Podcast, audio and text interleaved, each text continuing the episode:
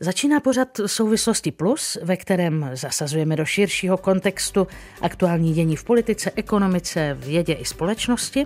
Tentokrát se něm budeme věnovat tématu, jakou perspektivu mají autonomní vozy, co přispívá k tomu, aby jejich provoz byl bezpečný a jaké inovace se na nás, tedy i na zákazníky v tomto oboru chystají.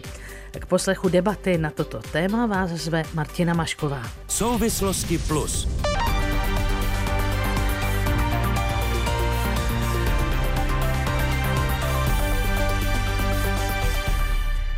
Umělá inteligence s námi dnes mluví, když si třeba objednáváme zboží nebo služby, pomáhá na recepcích, dokonce už i v ordinacích a jinde.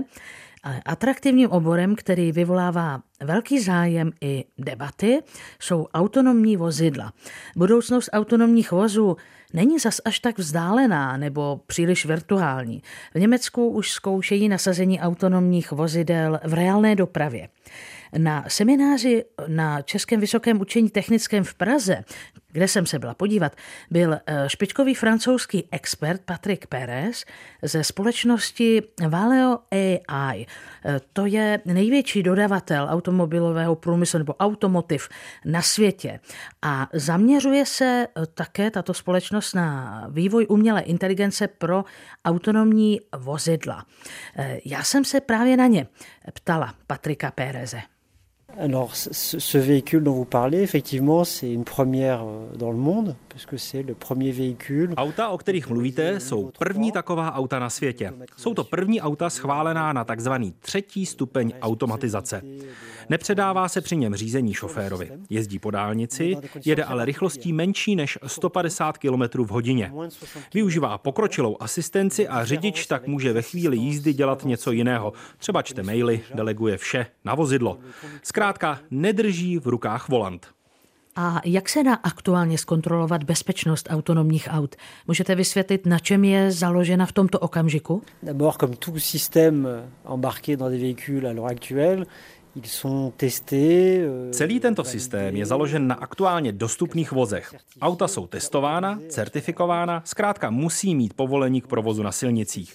To se týká počítačového vybavení, softwaru, hardwaru či del, kterými se zaznamenává provoz. Je jich tam ale víc a můžou se doplňovat. Všechno je založeno na umělé inteligenci, na strojovém učení, které v posledních letech hodně pokročilo. Je to tedy systém závislý na tom, co mu předložíme. A jak se snažíte vylepšovat systém rozhodování autonomních aut? Question compliquée. Alors, moi je parlais jusqu'à présent plutôt de la perception, mais c'est vrai que c'est un système complet. To je složitá otázka. Zatím jsme se zabývali výkonem auta v návaznosti na jeho komplexní vnímání ostatních vozidel. Některé situace se zkrátka nedají naprogramovat. Schopnost rozhodování autonomního vozidla se dá zlepšit, pokud se podaří zmapovat a uhlídat rozmanitost situací, ve kterých se auta nacházejí. Potřebujeme řešit složité situace, aby se systém posunul dál. Klíčová je také otázka, pokud vím, prevence závad auta, zvláště pak ve městech, kde je rušná doprava a hodně chodců. Jak se vyvíjí tento nástroj? La première chose, c'est qu'il faut améliorer la détection des piétons v prvé řadě je potřeba zlepšit záznam chování chodců. Na tom spolupracujeme i s experty tady v Praze. Loni jsme zvýšili počty zobrazení virtuálních chodců, abychom naučili systém reagovat na větší množství situací. Ale pak se musí vzít auto do reálného provozu a vyzkoušet, zda to funguje, anebo ne, aby se naučilo víc. A jak tedy dokáže autonomní auto předvídat, že nastala porucha? Důležité je pochopit, že k dobrému výkonu, k dobrému systému vnímání, predikce a rozhodnutím nestačí pouze volba dobře, špatně. Umělá inteligence tomu musí rozumět víc. Napomáhá tomu, že například detekce objektů za pomoci přístroje zvaného LIDAR a kvalitních kamer velmi pokročila. Je třeba pracovat hlavně na detailech, aby systém dokázal kontrolovat sám sebe, aby se zvýšilo procento správných rozhodnutí. Tam zůstává pořád řada nejistot. Řidič musí vozidlo správně informovat, vědět, kdy má případně převzít řízení. Když není jistota, autonomní řízení by se mělo vypnout, aby auto zůstalo bezpečné. To je jedna z nejdůležitějších otázek pro umělou inteligenci. A my právě studujeme, jak by to auto mělo udělat. Mais c'est vraiment important dans le cas de la voiture. Patrik Pérez ze společnosti Valeo AI zaměřené na aplikace v sektoru automotiv, zvláště pak na autonomní vozidla, která jsou tématem naší dnešní diskuse. A v ní teď vítám Tomáše Svobodu, který se zabývá právě výzkumem v oboru z Fakulty elektrotechnické, vedoucím katedry kybernetiky na ČVUT. Dobrý den. Dobrý den. Vítám Davida Huricha, který je už ze zmíněného citovaného eh, výzkumného a vývojového centra umělé inteligence eh, společnosti Valeo AI, tedy jedno z největších dodavatelů automobilového průmyslu na světě. Dobrý den. Dobrý den. A ve studiu vítám také našeho pravidelného hosta Vladimíra Rybeckého, který je motoristický novinář se zaměřením na ekonomickou a technickou stránku automotiv, který eh, vydává časopis Autovík.cz a Autotablet.cz. Dobrý den i vám. Dobrý den. Tak eh, začnu u vás, jestli dovolíte, pane Rybecký. Eh, je dobře, že už jde takhle, já bych řekla, sedmimílovými kroky dopředu autonomní vozidla? Tak já bych řekl, že ono to tak možná v poslední době vypadá, ale on ten vývoj je kontinuální a trvá už velmi dlouhou dobu. To znamená, že to, co my dnes označujeme jako autonomní vozidla, v podstatě je pokračování různých asistenčních systémů, které pomáhají řidiči a autonomní vozidla pod tímto pojmem je potřeba si uvědomit, je mnoho stupňů vývojových, které eh, směřují až k tomu konečnému cíli, což je vozidlo, které dokáže jezdit úplně samo, které se o nás postará úplně a kde není potřeba zasahovat do řízení. Ale v současné době ten vývoj, který jde mílovými kroky, tak eh, směřuje k tomu, aby pomáhal řidiči za určitých okolností za něj převzít řízení a umožnil mu využít dobu cestování, alespoň podstatnou část té doby cestování k jiným činnostem. Poprosím eh, Davida Huricha, eh, aby nám objasnil, co všechno potřebuje vědět autonomní vozidlo, aby mohlo vyrazit. Co vyhodnocuje? Tak primárně vyhodnocuje data ze svých senzorů, to jsou jeho oči, uši, jsou to již zmíněné lidary nebo laserový skener, je to sada kamer, často jsou to ultrazvuky, radary. Takže primárně vyhodnocuje data z těchto senzorů, aby porozuměla světu, na který se kouká. A to je vlastně ta nejtěžší část té úlohy, to, co my lidi děláme zcela přirozeně a zcela dobře, že vidíme židlí, vidíme auto, vidíme člověka, tak tomu auto dělá největší problém. To jednodušší potom je eh, plánování manévru, brždění, případně upozornění řidiče. Když už má to auto perfektní vnímání světa, tak vlastně to plánování je relativně jednoduché, ale jak jsem řekl, ta senzorika a zpracování těch eh, hrubých dat je vlastně to zásadní. Já si zatím auto představím jako mm, něco na kolech, co mě někam odveze, ale v tomhle případě se dá říct, že jde o robota, že jde o mm, tedy velice sofistikovaný, naprogramovaný systém, umělou inteligenci. Ano, přesně tak, je to robot. Pane Svobodo, z toho, co jsme slyšeli před chvilinkou od francouzského experta Patrika Péreze, tak to vypadalo jako, že už to auto, ve kterém si budeme mailovat místo, abychom točili volantem, je na spadnutí. Jak je to z pohledu výzkumníka, který se téhle záležitosti věnuje? Tak eh, to, co třeba není úplně všeobecně známo, je, že to, co dneska vlastně vnímáme jako autonomní auta, je založeno na vlastně akademickém výzkumu, který tady byl už dávno předtím, mnohem, mnohem dřívěji, než si třeba většina lidí eh, dokáže představit. Třeba už v 90. letech už eh, byly řekněme skoro autonomní auta, které používaly kamery jako primární senzor a dokázali jet poměrně velké kusy e, samostatně v Evropě, na, jako na dobrých silnicích. A vlastně ten akademický výzkum hlavně třeba v oblasti počítačového vidění, což je vědecká oblast, která se zabývá tím, jak interpretovat vlastně ty oči, ty, ty, ten obraz těch kamer, kde například pražské ČVUT patří mezi tou špičkou, tak těm autonomním autům dneska předcházel dlouhý vývoj, který byl několik dekád, řekněme tři, tři dekády, tři dekády naspět. A autonomní auta, v tom smyslu, jak my tomu rozumíme, jsou tady jakoby jednu dekádu, vlastně možná 15 let. A v takové oblasti je typicky se opakuje jev, že na začátku je velmi rychlý pokrok. Prostě v nějakém okamžiku se lidi začnou jako rozhodnout, že budou dělat autonomní auta a poměrně rychle se dostanou třeba během několika málo let se dostanou na situaci, kdy auto dokáže jet v 98% samostatně. A to, co se děje teď, je vlastně ten boj O ty poslední procenta, kde ovšem bohužel nastává taky jev, kterému se anglicky říká jako diminishing returns, kdy vlastně tím, jak se člověk pořád přibližuje k té hranici 100%, tak ten se ten postup zpomaluje. Takže jedna desetina procenta po 98 byla docela rychle, ale jedna desetina procenta mezi 99,7 a 99,8 bude trvat jako hrozně dlouho. A v nějakém okamžiku společnost dospěje do stavu, kdy řekne, tohle riziko už je pro mě akceptovatelné a odteď prostě dáváme legislativní rámec tomu, že ty autonomní auta tady můžou s náma jezdit tak jako ty ostatní auta. Nikdy to nebude prostě stoprocentní a v nějakém okamžiku společnost řekne, tak teď už to chceme.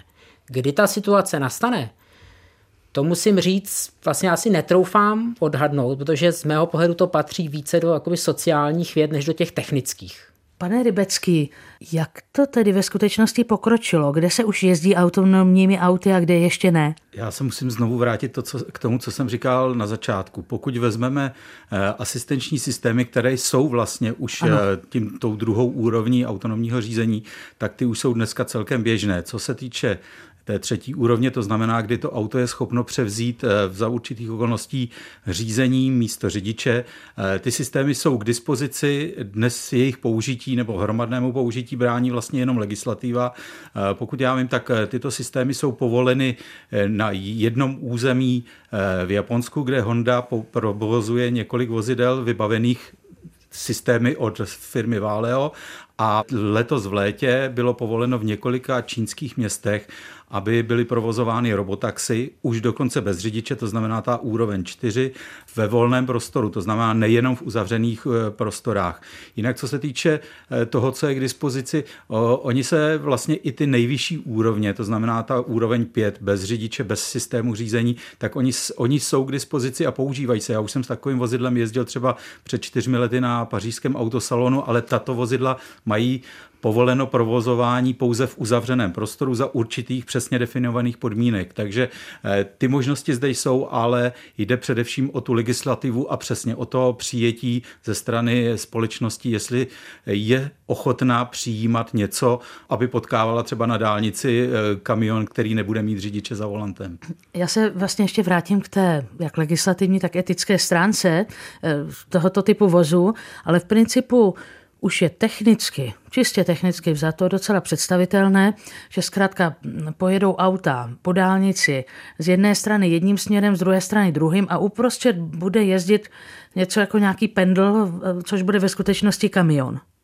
Eh, ono je to trošičku jinak. Eh, oni ty kamiony eh, mohou využívat i jiné způsoby a nikoliv tak, že by jezdili uprostřed, ale v rámci toho autonomního řízení, tak v rámci toho té třetí úrovně, tak se zkoumá a velmi blízko k použití je systém, kterému se říká, to je takzvaný platooning, to znamená, že celá ta kolona aut jede vlastně vytvoří jakoby vlak, který řídí ten, kdo je úplně uprostřed a ty řidiči v těch dalších kamionech vlastně přenechají řízení na něm. Celé to jede jako jedna kolona a ve chvíli, když potřebuje ten řidič odbočit nebo někam jet jinam, tak se z, ty, z té kolony vyčlení. To jsou systémy, které se dnes už eh, ve velkém zkouší a dá se předpokládat, že v poměrně brzké době budou vyčleněny úseky i v Evropě, na kterých bude povoleno tento systém používat, protože ten systém technicky je dnes eh, dostupný a všichni výrobci evropští nákladních aut eh, na, na vývoji a na zkoumání toho systému pracují. Takže ono je to jinak. Já bych řekl, že spíš se dá očekávat zase v nějaké budoucnosti, kterou si tedy nedokáži nějakým způsobem specifikovat, protože před pěti lety bych nevěřil tomu, jak obrovský pokrok to autonomní řízení bude mít, ale dá se předpokládat, že na některých úsecích dálnic budou vyčleněny pruhy, které budou povoleny pouze pro eh, vozidla s autonomním řízením a do kterých by teoreticky neměla ostatní auta zajíždět a ty budou mít jisté výhody a tam bude to uplatnění autonomního řízení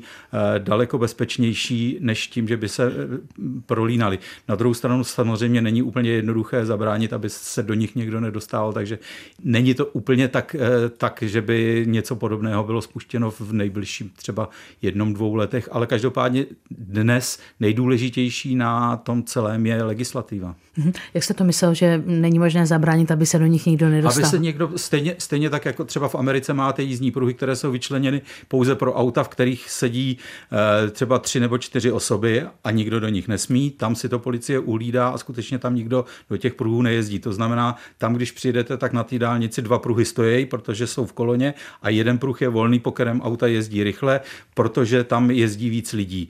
Tam si to uhlídají a něco podobného si dokážu představit, že by u nás bylo, že by byly tam, kde to podmínky vytvoř, eh, dovolují, to znamená, že těch jízdních pruhů jsou minimálně tři, tak tam, že by byl jeden pruh vyčleněný pouze pro vozidla s autonomním řízením, kde by si řidiči mohli užít skutečně všechny výhody, které jim to autonomní řízení eh, poskytuje. Pane Horicho, co tedy autonomní auto už umí a co ještě ne? No, jak řekl kolega, je tam několik levelů, jakoby úrovní toho té autonomie a v podstatě třeba naprostá většina těch eh, v úzovkách autonomních aut, třeba i, Tesla, jsou level 2 stále.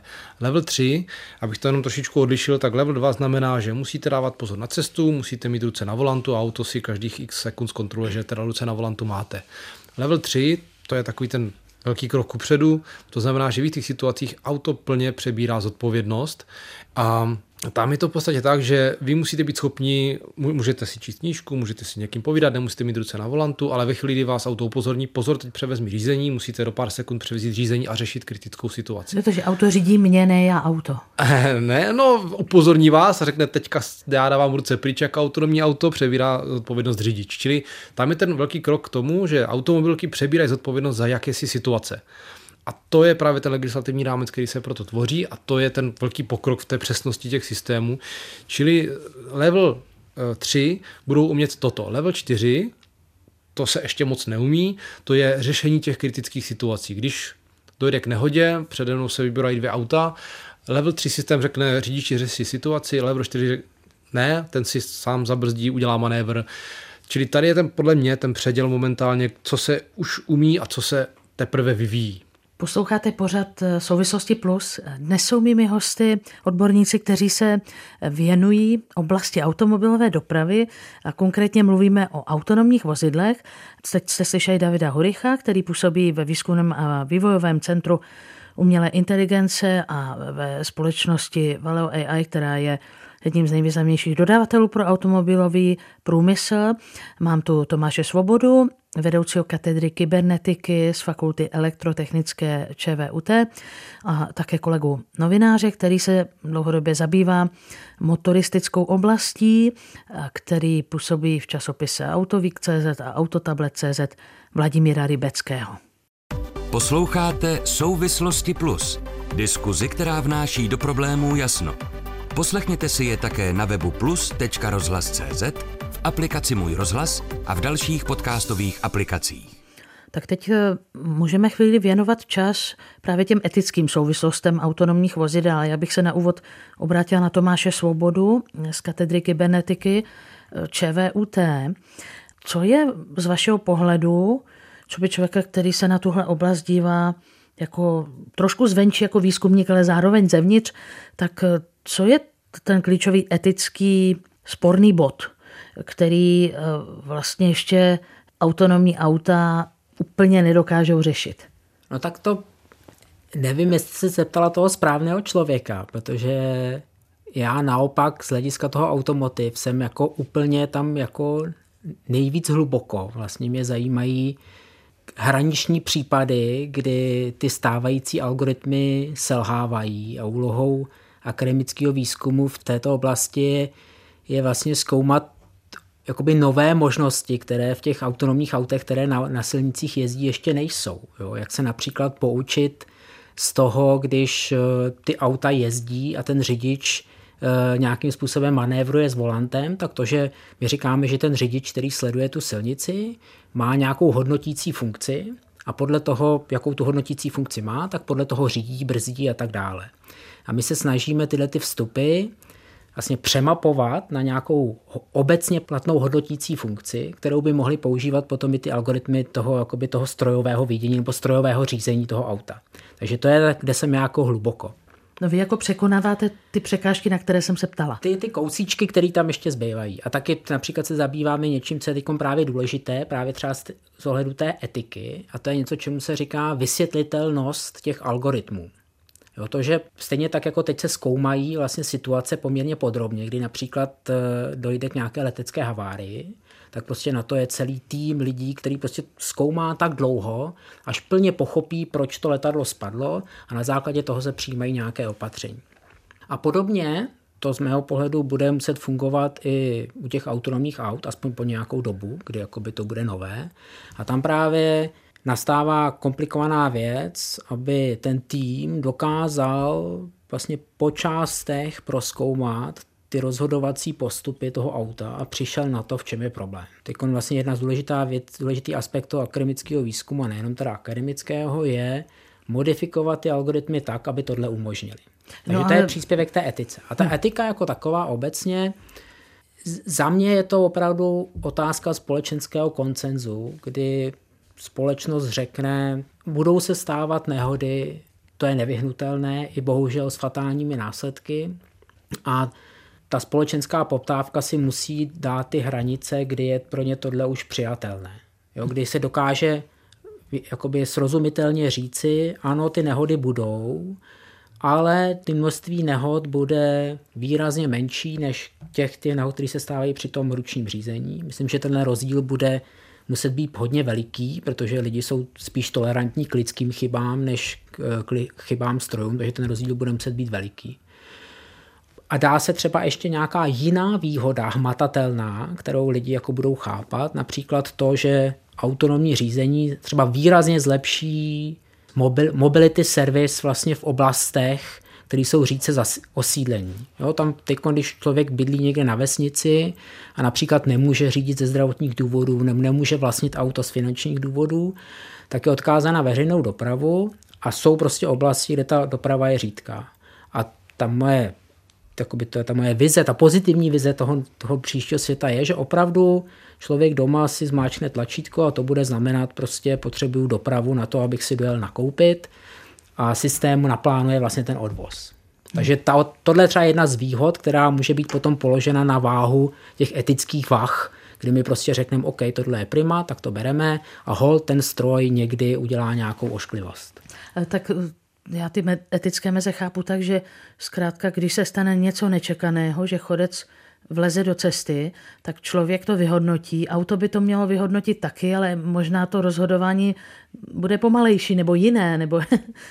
Já jsem jako malinko skeptický k tomu, že člověk to dokáže tak rychle vyhodnotit. Ta, ta reakce je vlastně, pokud ten řidič dává pozor, což není vždycky, to víme, je vlastně na rozhodnutí zabrzdím anebo udělám manévr, ideálně obojí, což třeba málo, ne málo který, ale zdaleka ne všichni řidiči například dovedou velmi intenzivně brzdit a ještě manévrovat.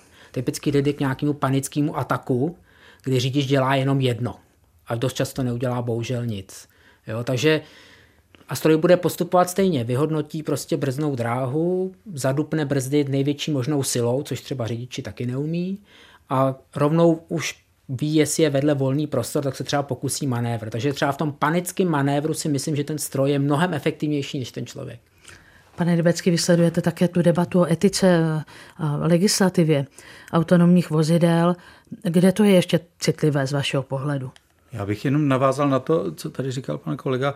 Eh, tady je přesně vidět eh, i vlastně vliv médií, protože eh, opilých pod auto vběhne na celém světě, vběhnou, nevím, odhaduji, ale že jich budou desítky, stovky každou chvíli, ale ve chvíli, když opilá cyklistka vběhla pod eh, autonomně řízení auto, tak se o to zajímal několik týdnů celý svět.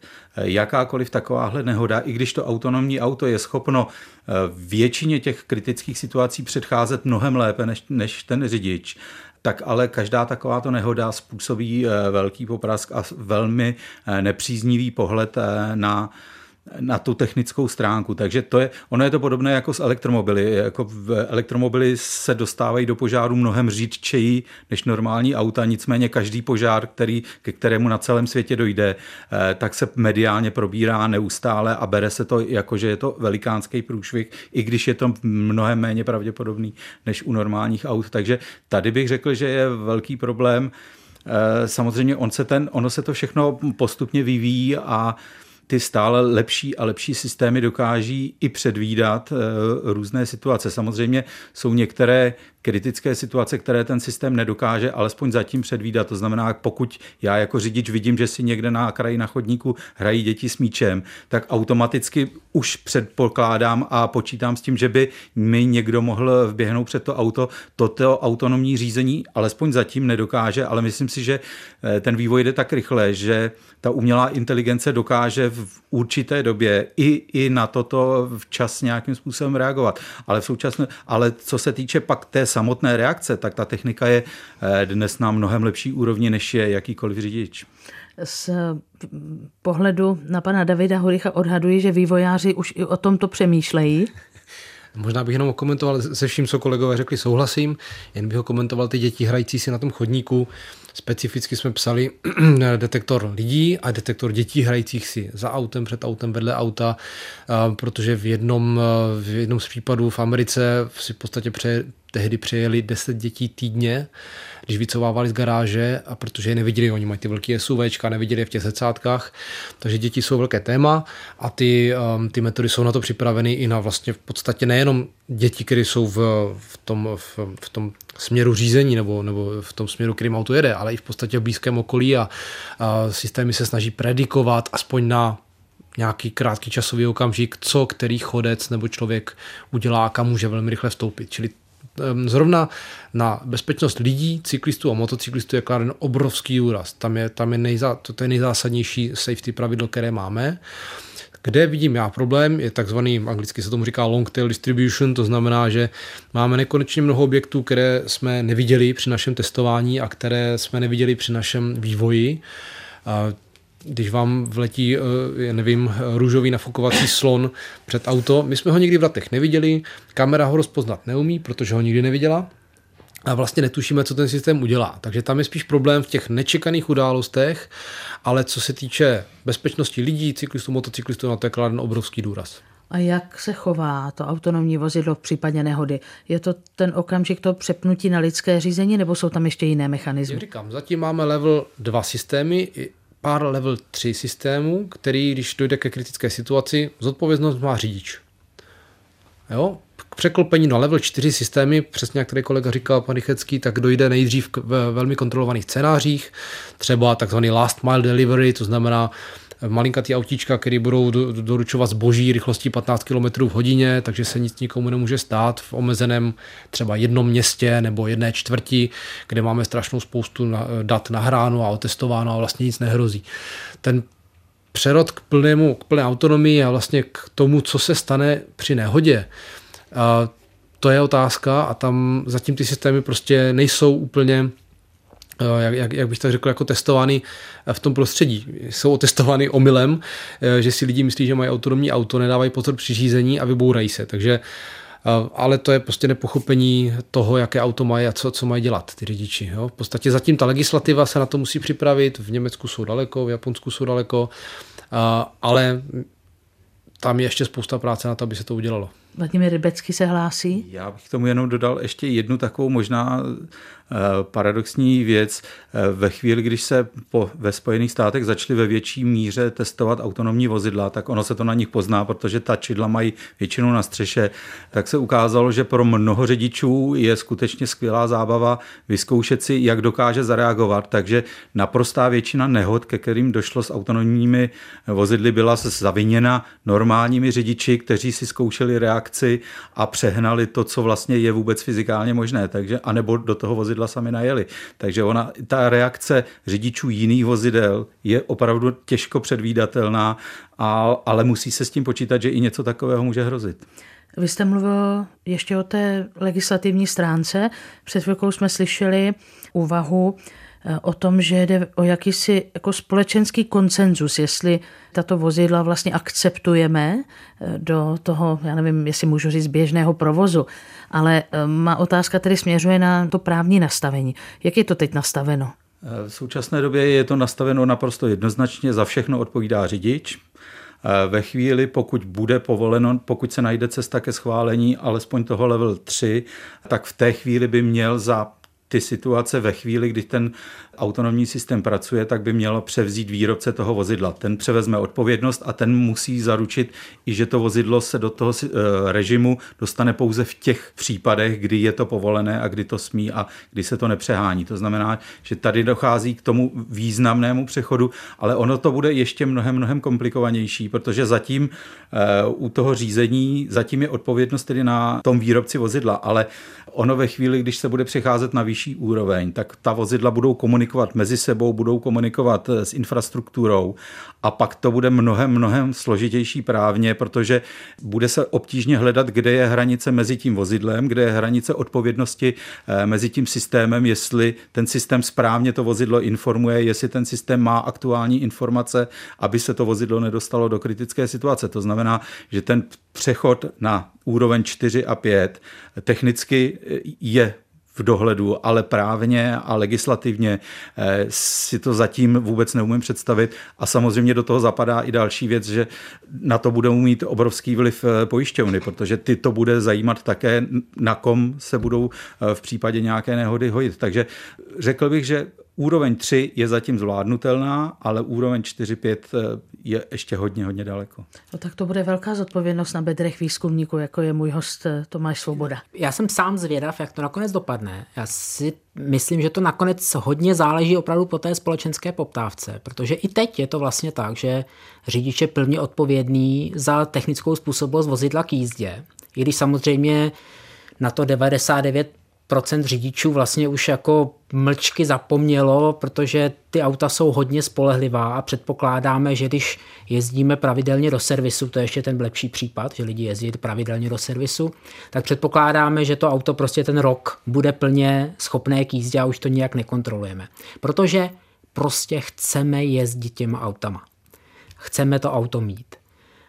A možná, když si představím jako silnou společenskou poptávku, že prostě společnost, lidi budou prostě ty autonomní auta chtít, tak pak prostě bude ta důvěra v ty výrobce, že to auto připraví podle nejlepšího vědomí svědomí, že vlastně vyzkouší všechno, co je možné. A bude třeba nějak jako shared responsibility, jako sdílená jakoby odpovědnost za tu jízdu. Jako moci pokud to bude stále tak, že si budeme představovat, že teda ty společnosti, co ty technologie vyrábějí, převezmou plnou odpovědnost, tak to samozřejmě bude velká jako právní bitva, protože samozřejmě pro takovou společnost příjmu za to zodpovědnost může být jako v extrému až likvidační, jo? takže do toho se určitě ty společnosti nehrnou. Právě já jsem mm, uvažovala tak, že možná, že právě ti, kdo vyvíjejí ty systémy, které rozhodují o tom, jestli si všimne autonomní auto dítěte můžou být jako brány jako spolu zodpovědné. Nevím, jak to vidí uh, David Horych. Aby bylo ten společenský úzus takový, že budeme těm autům věřit, je potřeba vlastně otestovat strašnou spoustu situací a mít nad tím nějakou velkou statistiku. A ty level 3 systémy, konkrétně level 3 systémy, tam není výjimkou, že musíme pro validaci jednoho systému musíme nahrát 30 tisíc hodin všude po světě s tím záznamu. systémem záznamu najezdit a tam ten systém testujeme. A samozřejmě stále nám spousta situací unikne, ale kolik řidičů si otestuje svoje schopnosti na 30 tisících hodinách řízení? Téměř nikdo. Jo? Takže někoho by mohli přesvědčit ty čísla a statistiky. A souhlasím s Tomášem Svobodou, že ta společenská poptávka po těch autech a po tom autonomní řízení může velmi ovlivnit eh, to rozhodnutí, že do toho teda už půjdeme a to bohudík, bohužel, možná i z ekonomického hlediska, protože autonomní auta za nás můžou vydělávat, můžou fungovat jako vlastně taxislužby, když my jsme v práci, můžou nějakým způsobem doručovat zboží. A myslím si, že jakmile se řekne, vaše auto vám vrátí část vašich peněz, tak politici se toho chytnou a najednou legislativa přijde. Rozumím, já jsem se spíš ptala na tu, teď byla řeč o té sdílené jakoby odpovědnosti. Možná i za ty chyby. Tak jestli mm, třeba se i trochu obáváte, že vlastně vy jako vývojáři těch softwarů budete činěni zodpovědnými z nějakých věcí, které třeba se ještě nezdaří. My jsme nuceni v podstatě ty systémy eh, testovat co nejvíc můžeme a co nejlépe můžeme. Samozřejmě obávám se toho, protože jsme taky tlačeni do jakési virtualizace. Eh, část dat bude naježděná a tím, jak půjdeme k level 4, k level 5, budou požadavky najezdit to třeba na 2 milionech hodin jo, když to trošku přeženu, což je samozřejmě nereálné. Takže část se bude třeba dělat reálně a půlka se bude dělat virtuálně. A tam už samozřejmě je potřeba co nejpřesněji doložit, že ta virtuální část ty validace má smysl a že jsme něco nezanedbali. To jsou tam, ty virtuální chodci, o kterých mluvil virtuální váš kolega chodci, Patrik Co my třeba děláme, my vkládáme virtuální chodce do scén, kde nejsou. Třeba vložíme člověka na dálnici, když auto jede 130 km v hodině, aby jsme zjistili co nejlépe, co to auto udělá. Stejně tak to tam vkládáme, my generujeme data, neuronovými sítěmi, které pak použijeme k učení dalších neuronových sítí, které vlastně dělají to rozhodování. Čili my už jdeme ještě o level dál, že děláme AI, která učí AI a optimalizuje ji. Umělá inteligence, ano. která učí umělou inteligenci. Ano, pardon za angličtinu. Takže trochu se samozřejmě obávám té sdílené uh, odpovědnosti a přistupujeme k tomu tak seriózně, jak to jen jde a všechno v podstatě v rámci legislativy. Vladimír Rybecký dodává v této části naší debaty? Já bych tomu, abych to posluchačům ještě trošičku zkomplikoval. Nebo zarámoval. Je, je, je potřeba se připravit na to, že v nejbližší budoucnosti nepůjde jenom o automobilky, řidiče a dodavatele softwaru, ale půjde o vlastně provozovatele. To, co je nejbližší vlastně realitě, tam, kde, jak už jsem zmínil na začátku, eh, kde se už vlastně vysoce autonomní vozidla dostávají do provozu, to znamená ta čínská robotaxi, tak tam je provozovatelem společnost Baidu, která nevyrábí auta, nevyvíjí ten software, která, je, která jenom to všechno dává dohromady. To znamená, že dá se předpokládat, že jak s, s rozvojem elektromobility, tak i autonomního řízení, eh, ten vliv automobilek eh, bude klesat a bude stále významnější vliv eh, těch provozovatelů, těch dodavatelů systémů a automobilky budou vlastně dodávat jenom hardware, v kterém se bude provozovat něco, co budou dodávat třeba firmy jako je Valeo ale ne, oni, oni budou zase dodávat někomu, kdo bude ta auta provozovat, kdo to celé bude eh, dávat dohromady a kdo eh, bude mít pod kontrolou i systém, který bude to všechno řídit. To znamená, bude mít eh, pod dohledem i veškerou tu infrastrukturu, která bude nezbytná, aby pro ty vyšší úrovně autonomie, aby byly možné používat. To znamená, že ono to bude mnohem, mnohem složitější a nepůjde o tak jednoduché pohledy, jaké vidíme dnes říká Vladimír Rybecký, motoristický novinář z časopisu Autovík.cz a Autotablet.cz, který je dnes hostem našeho debatního pořadu spolu s Davidem Hurichem z výzkumného a vývojového centra umělé inteligence a firmy Valeo AI a s Tomášem Svobodou, vedoucím katedry kybernetiky na Fakultě elektrotechnické Českého vysokého učení technického. Souvislosti plus tak blížíme se k závěru, tak zkusíme trochu se podívat dopředu, jo? pokus o takovou vizi, jak by se celá tahle oblast mohla vyvíjet. Jakou představu má eh, David Hurich za ty, kdo vlastně vymýšlejí podstatu toho, aby ta autonomní eh, vozidla mohla fungovat? Těžká otázka, predikovat budoucnost, eh, takže já se pokusím odpovědět v podstatě z, z pohledu toho hardwareu já věřím, že budeme nuceni, a je to správně, vybavit uh, robota, autonomního robota, neboli auto velkým množstvím komplementárních senzorů.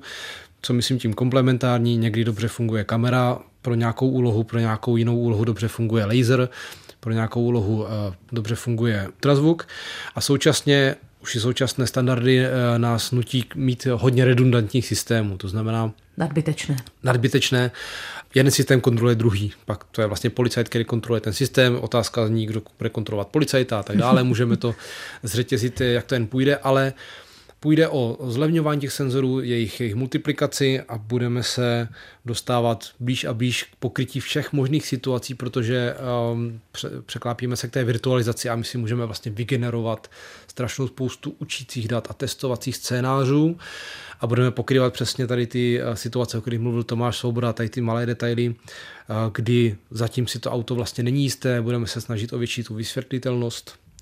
Já nevím, za jak dlouho si budu v tom autě číst noviny, víte? Jsem přemýšlela už. Tahle... Když bych to tak řekl, tak level 5 auto znamená, že nemá volant. Jo? A v podstatě tehdy už, eh, tehdy už si řekneme, dobře, máme naprostou bezpečnost v uvozovkách podle, podle toho koncenzu společnosti, jak se rozhodne. Ale my tady máme nějaké, já bych mohl říct možná nějaké predikce, já to nevymýšlím sám.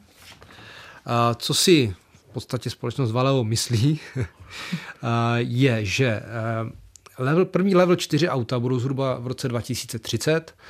V roce 2035 cca 5% všech nově vyrobených aut bude mít level 4 nebo level 5 to nebo level 5 bych bral hodně s rezervou. Říkáte 2035? 2035. To je zajímavé, protože predikce. datem jako to ladí nebo shoduje se to, to je to klíčové datum pro odklon od spalovacích motorů v Evropě. Ano, ano, ano. Já nevím vlastně, malinká odbočka, než se dostanu k dalším našim hostům, jestli hm, tahle záležitost přece taky výrazně ovlivňuje automobilový průmysl, jestli to má vliv i na tuhle oblast. To, že se ekologizuje autodoprava. Ano, a to třeba primárně v té virtualizaci. My vezměte si, že na to, na to testování autonomního systému bychom, už teď se musí nazdit miliony kilometrů a my je budeme muset najíždět ještě víc pro tu vyšší bezpečnost, tím pádem virtualizací a vývojem a výzkumem v těchto metodách ušetříme strašnou spoustu nafty, benzínu, přírody, protože část toho překlopíme do čistě virtuálního světa. Takže tam určitě to má velký vliv společnost Valeo se velmi soustředí na elektrifikaci nejenom osobních aut, ale i komerčních aut, na eh, tahačů a autobusů, takže Um, určitě to výrazně ovlivní, si myslím. Tenhle směr to nabírá. Já jsem si teď vzpomněla, že s panem Vladimírem Rybeckým jsme v jednom z předchozích pořadů eh, mluvili o tom, že vlastně žádné auto ještě není dost ekologické, tak já nevím, jestli vy vidíte taky přínos těch autonomních vozidel pro to ekologičtění autoprovozu. Já to vidím trošičku ještě složitěji.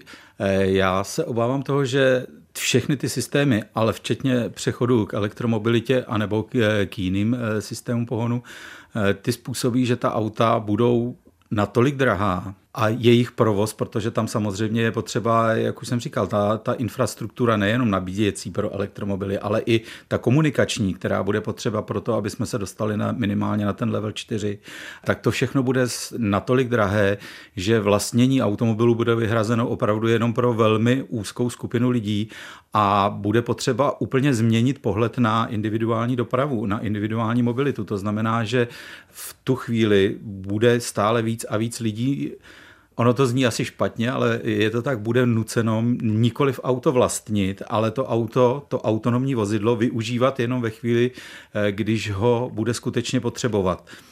A to znamená samozřejmě přínos pro ekologii, protože těch aut celkově v provozu by mělo být míň a měly by se používat eh, rozumnějším způsobem. Čiže to, jestli Takže, dovolíte, to je ten model, co tady, o kterém se zmiňoval Tomáš Svoboda, eh, takové ano. to, že když například, já nevím, senior že jo, potřebuje na nákup, tak si zmačkne tlačítko a zavolá Ale si... nebude to jenom ten senior, ale, ale bude to v podstatě pro naprostou většinu lidí Samozřejmě přinese to to, že se nebudu muset starat o to, kde se to auto nabije, protože ona, ta služba mi to všechno zařídí. Samozřejmě bude to stát nějaké peníze a samozřejmě to přinese ještě jeden efekt, který s tím hrozně souvisí, že velmi ziskovým oborem, který v rámci eh, této oblasti bude, tak to bude obchod s daty, protože tím, jak se bude vlastně všechno kontrolovat, tak eh, se budou generovat obrovská spousta dat a ta data budou leco zprovozovat také o těch lidech. To znamená, že to využití, uh-huh. to využití těch dat eh, bude nesmírně důležité, jak pro bezpečný provoz, tak ale i pro spoustu dalších obchodních příležitostí. No to znamená, že ta data se budou muset velmi pečlivě chránit, protože ten, kdo by vlastnil tahle data, tak myslím si, že tajné služby budou mít zájem. ono to je ještě trošku složitější, nejenom, že se budou muset chránit, ale on to bude velký boj o to, kdo vlastně bude všechny ty systémy provozovat, protože eh, je těžko představitelné, že by si každé město našlo nějakého jiného providera a vy byste musela přepínat někde na cestě to, to v podstatě znamená, že v rámci celé Evropské unie bude muset být eh, celý ten systém jednotný, aby to skutečně fungovalo. A tady znova eh, se blížíme k nějakým eh, velmi složitým hledání, k velmi složitému hledání obchodních příležitostí. Takže tady, tady to, to všechno autonomní řízení přinese úplně nový pohled na individuální mobilitu, což způsobí eh, daleko složitější jednání a politická rozhodnutí, než se v této chvíli může zdát. Tak a vize pro autonomní vozidla podle Tomáše Svobody? Tak já nebudu říkat žádná data, protože to opravdu, říkám, něco jiného jsou technická data, něco jiného jsou společenská data. Jako optimistická vize je, že opravdu ten autonomní provoz nabídne servis, který teď není možný. To znamená vlastně ta absolutní mobilita. to, proč lidi začali mít rádi auta, nebo proč stále mají, je ta nezávislost. Já se můžu rozhodnout, že někam pojedu. V okamžiku, kdy tuhle nezávislost poskytne systém autonomního řízení, třeba nějaká síť, tak eh, pro spoustu lidí to bude dostatečný argument. Jsou oblasti, kde tuhle roli už hraje třeba hromadná doprava. Myslím si, že například Praha a nejbližší okolí je dobrý příklad toho, kde opravdu se lze bez problémů obejít bez auta, protože je jednoduché najít spojení, je rozumně spolehlivé, funguje to. Samozřejmě, co se týče těch eh, dat a formátu, tak tady si myslím, že společnost může hrát dobrou roli, vynucovat vlastně otevřený formát těch dat. Já si nemyslím, že bude úplně nutné, aby všechno zajišťovala jedna společnost, k tomu možná směřuje Čína, ale my to tak nechceme, máme k tomu a priori nedůvěru. Ale v okamžiku, kdy vynutíme pravidla otevřeného formátu dat, tak v tomhle konkurenčním prostředí můžou fakt fungovat různé firmy, protože se dokážou spolu domluvit. Myslím si, že už to docela dobře funguje i u té hromadné dopravy. Jsou různé, možná ne tolik v České republice, ale v jiných zemích, jako například ve Švýcarsku, prostě například železnice, autobusy, provozuje více společností a dokázali se domluvit na sdílení dat tak, aby zákazník si prostě naplánoval v jízdním řádu, že chce jet od někud někam a vlastně vůbec neví, že ten spoj je zajišťován třeba nějakou jinou společností, kromě toho, že mu to v tom vlaku řeknou. A myslím, že v Česku už je to taky, takže jako tohle určitě je docela dobře řešitelné. Nemusí to skončit prostě jedním velkým bratrem, který bude kontrolovat všechno, ale bude otevřené prostředí, kde si budou moct konkurovat různé firmy nabízející různý servis. No, takže já vím, že jste se bránil tomu říkat nějaké, nějaká čísla, data. Dokdy bychom mohli být eh, jako více svědky těch autonomních aut v podstatě trošičku běžnějším provozu, ale tak řekněme si, nebo představme si v té městské dopravě, nebo v takové té dopravě, která je trošičku víc předvídatelná. Tak eh, to jsou řádově roky nebo desítky let? Tak, tak už se blíží linka D metra, kde pokud eh, si pamatuju dobře, tak se předpokládá autonomní provoz vlaku metra, kde to je naprosto logické, protože tam ta variabilita toho prostředí je omezená na nejmenší možnou míru. Další na řadě jsou vlaky a tramvaje, tam bych si myslel, že to bude taky přirozený eh, postup. A potom to firmní využití, o kterém jsme mluvili, že se zkrátka bude dopravovat zboží primárně nebo prioritně touto formou? Tak um, taky, ale já se musím přiznat, jako opravdu nevím roky, e, protože to opravdu hodně závisí na té společenské poptávce a technicky si myslím, by tady jakoby velké množství mm, mohlo být zajištěno zřejmě tomu třeba za pět let, za deset let už jako opravdu hodně, ale to je podmíněno tím, že bude velký tlak té společenské poptávce. Já mám na půdě ještě po mým otci spoustu jako technických časopisů z 50. let minulého století a je to trochu legrační si je teď číst, jaké byly predikce toho, co bude v roce 1980 nebo v roce 2000. Takže i z toho jsem se trošku poučil, že to úplně nemá cenu jako odhadovat to, co tady bude za 15 let. Tak eh, otázka na závěr pro naše hosty. Kdo z vašeho pohledu eh, tuhle autonomní dopravu prosadí? Kdo bude průkopníkem téhle záležitosti? Ať už eh, byste jmenovali společnosti, nebo, nebo prostě, nevím, typ osobností, které se třeba v tom angažují. Pane Rybecký. Tak Ono zatím vycházíme z toho, co je mediálně známo a řekl bych, že eh, z toho, co víme, eh, tak hodně se na tom pracuje ve Spojených státech, ale jednoznačně největší náskok i s tím, co se už uvádí do provozu a vlastně i s tím, jak moc si nelámou hlavu s legislativou a s některými detaily, tak si myslím, že největší náskok v současné době má jednoznačně Čína.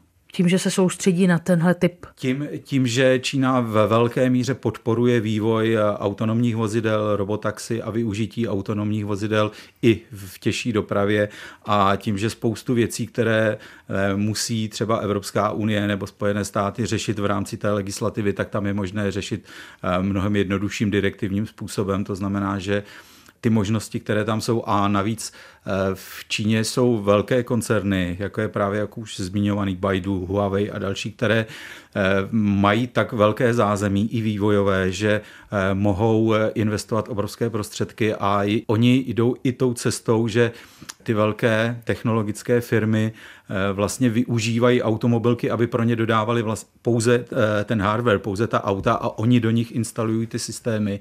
A v tom bych řekl, že opět je to zase i jiný obchodní model a v tom ty možnosti, jaké jsou, jaké oni tam mají, eh, tak tomu nahrávají mnohem víc. Eh, my přeci jenom musíme daleko víc dbát právě i na ty věci, o kterých jsme teď tady celou tu hodinu mluvili, to znamená na tu legislativu, eh, na bezpečnost a na další věci. Řekl bych, že tam, ne, že by to úplně podceňovali, ale přeci jenom mohou spoustu věcí dělat jednodušším způsobem a na hodně věcí se nemusí ohlížet, takže řekl bych, že pokud se někde v brzké době objeví skutečně ty vyšší úrovně autonomního řízení v běžném provozu, tak to bude právě tam. A kdo bude moci konkurovat v demokratickém světě, kdo bude pionýrem z pohledu mých hostů, Tomáše Svobody například? Tak já myslím, že systém, který je tvořen větším množstvím aktérů, řekněme hráčů na tom trhu, vývojářů, firm, který vyrábějí, je v konečném důsledku stabilnější a rozumně chovající se než třeba to čínské řešení, které koncentruje velikou moc, veliký množství dat do rukou omezeného množství firm a omezeného množství lidí. Takže možná v Evropě a možná i jinde, třeba ve Spojených státech, ale hlavně v Evropě to možná bude trvat déle, ale nakonec se dopracujeme k lepšímu systému, než třeba v té Číně. Prostě bude nám to trvat déle, ale bude to lépe sloužit lidem, společnosti, než té Číně. A kdo bude klíčový z pohledu eh, mého hosta Davida Horicha? Budou to nyní stávající automobilky, které jsou tedy lídrem, anebo eh, to je i příležitost pro nějaké, já to řeknu, trošku nadneseně štiky, které v tom systému dokážou dodávat tyhle systémy? Ano, já bych eh, souhlasil s kolegy, možná ještě tady nezazněla teda Tesla, která má jednu, jednu velkou výhodu, současně je to výhoda, současně je to nevýhoda. Oni dělají úplně celé auto se všemi systémy, téměř eh, in-house, samozřejmě mají spoustu dodavatelů na spoustu systémů, ale oni si vyrábějí vlastní čipy, vlastní učící superpočítač, mají flotilu aut, která jim online eh, uploaduje data na, na, na cloud, kde si je online anotují. A celé, celý vývoj těchto autonomních systémů je prostě o množství dat, o jejich kvalitních anotacích, o, o, o celém tom testování.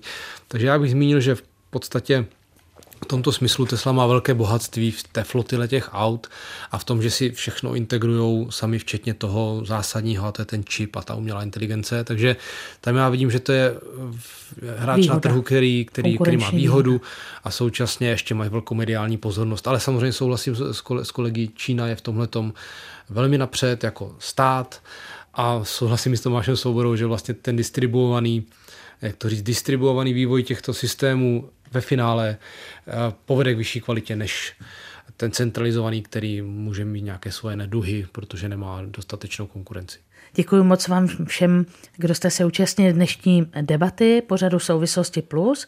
Děkuji Davidu Horichovi ze společnosti Valeo AI. Díky, že jste přišel. Já děkuji za pozvání. Tomáši Svobodovi, který je vedoucím katedry kybernetiky Fakulty elektrotechnické Českého vysokého učení technického. Děkuji. Hm, děkuji za pozvání. A Vladimíru Rybeckému, který je motoristický novinář a provozuje časopis Autovík.cz a Autotablet.cz. Děkuji za pozvání a děkuji za zajímavou diskuzi.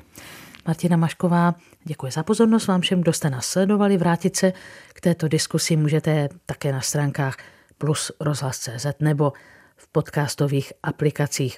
Těším se na slyšenou.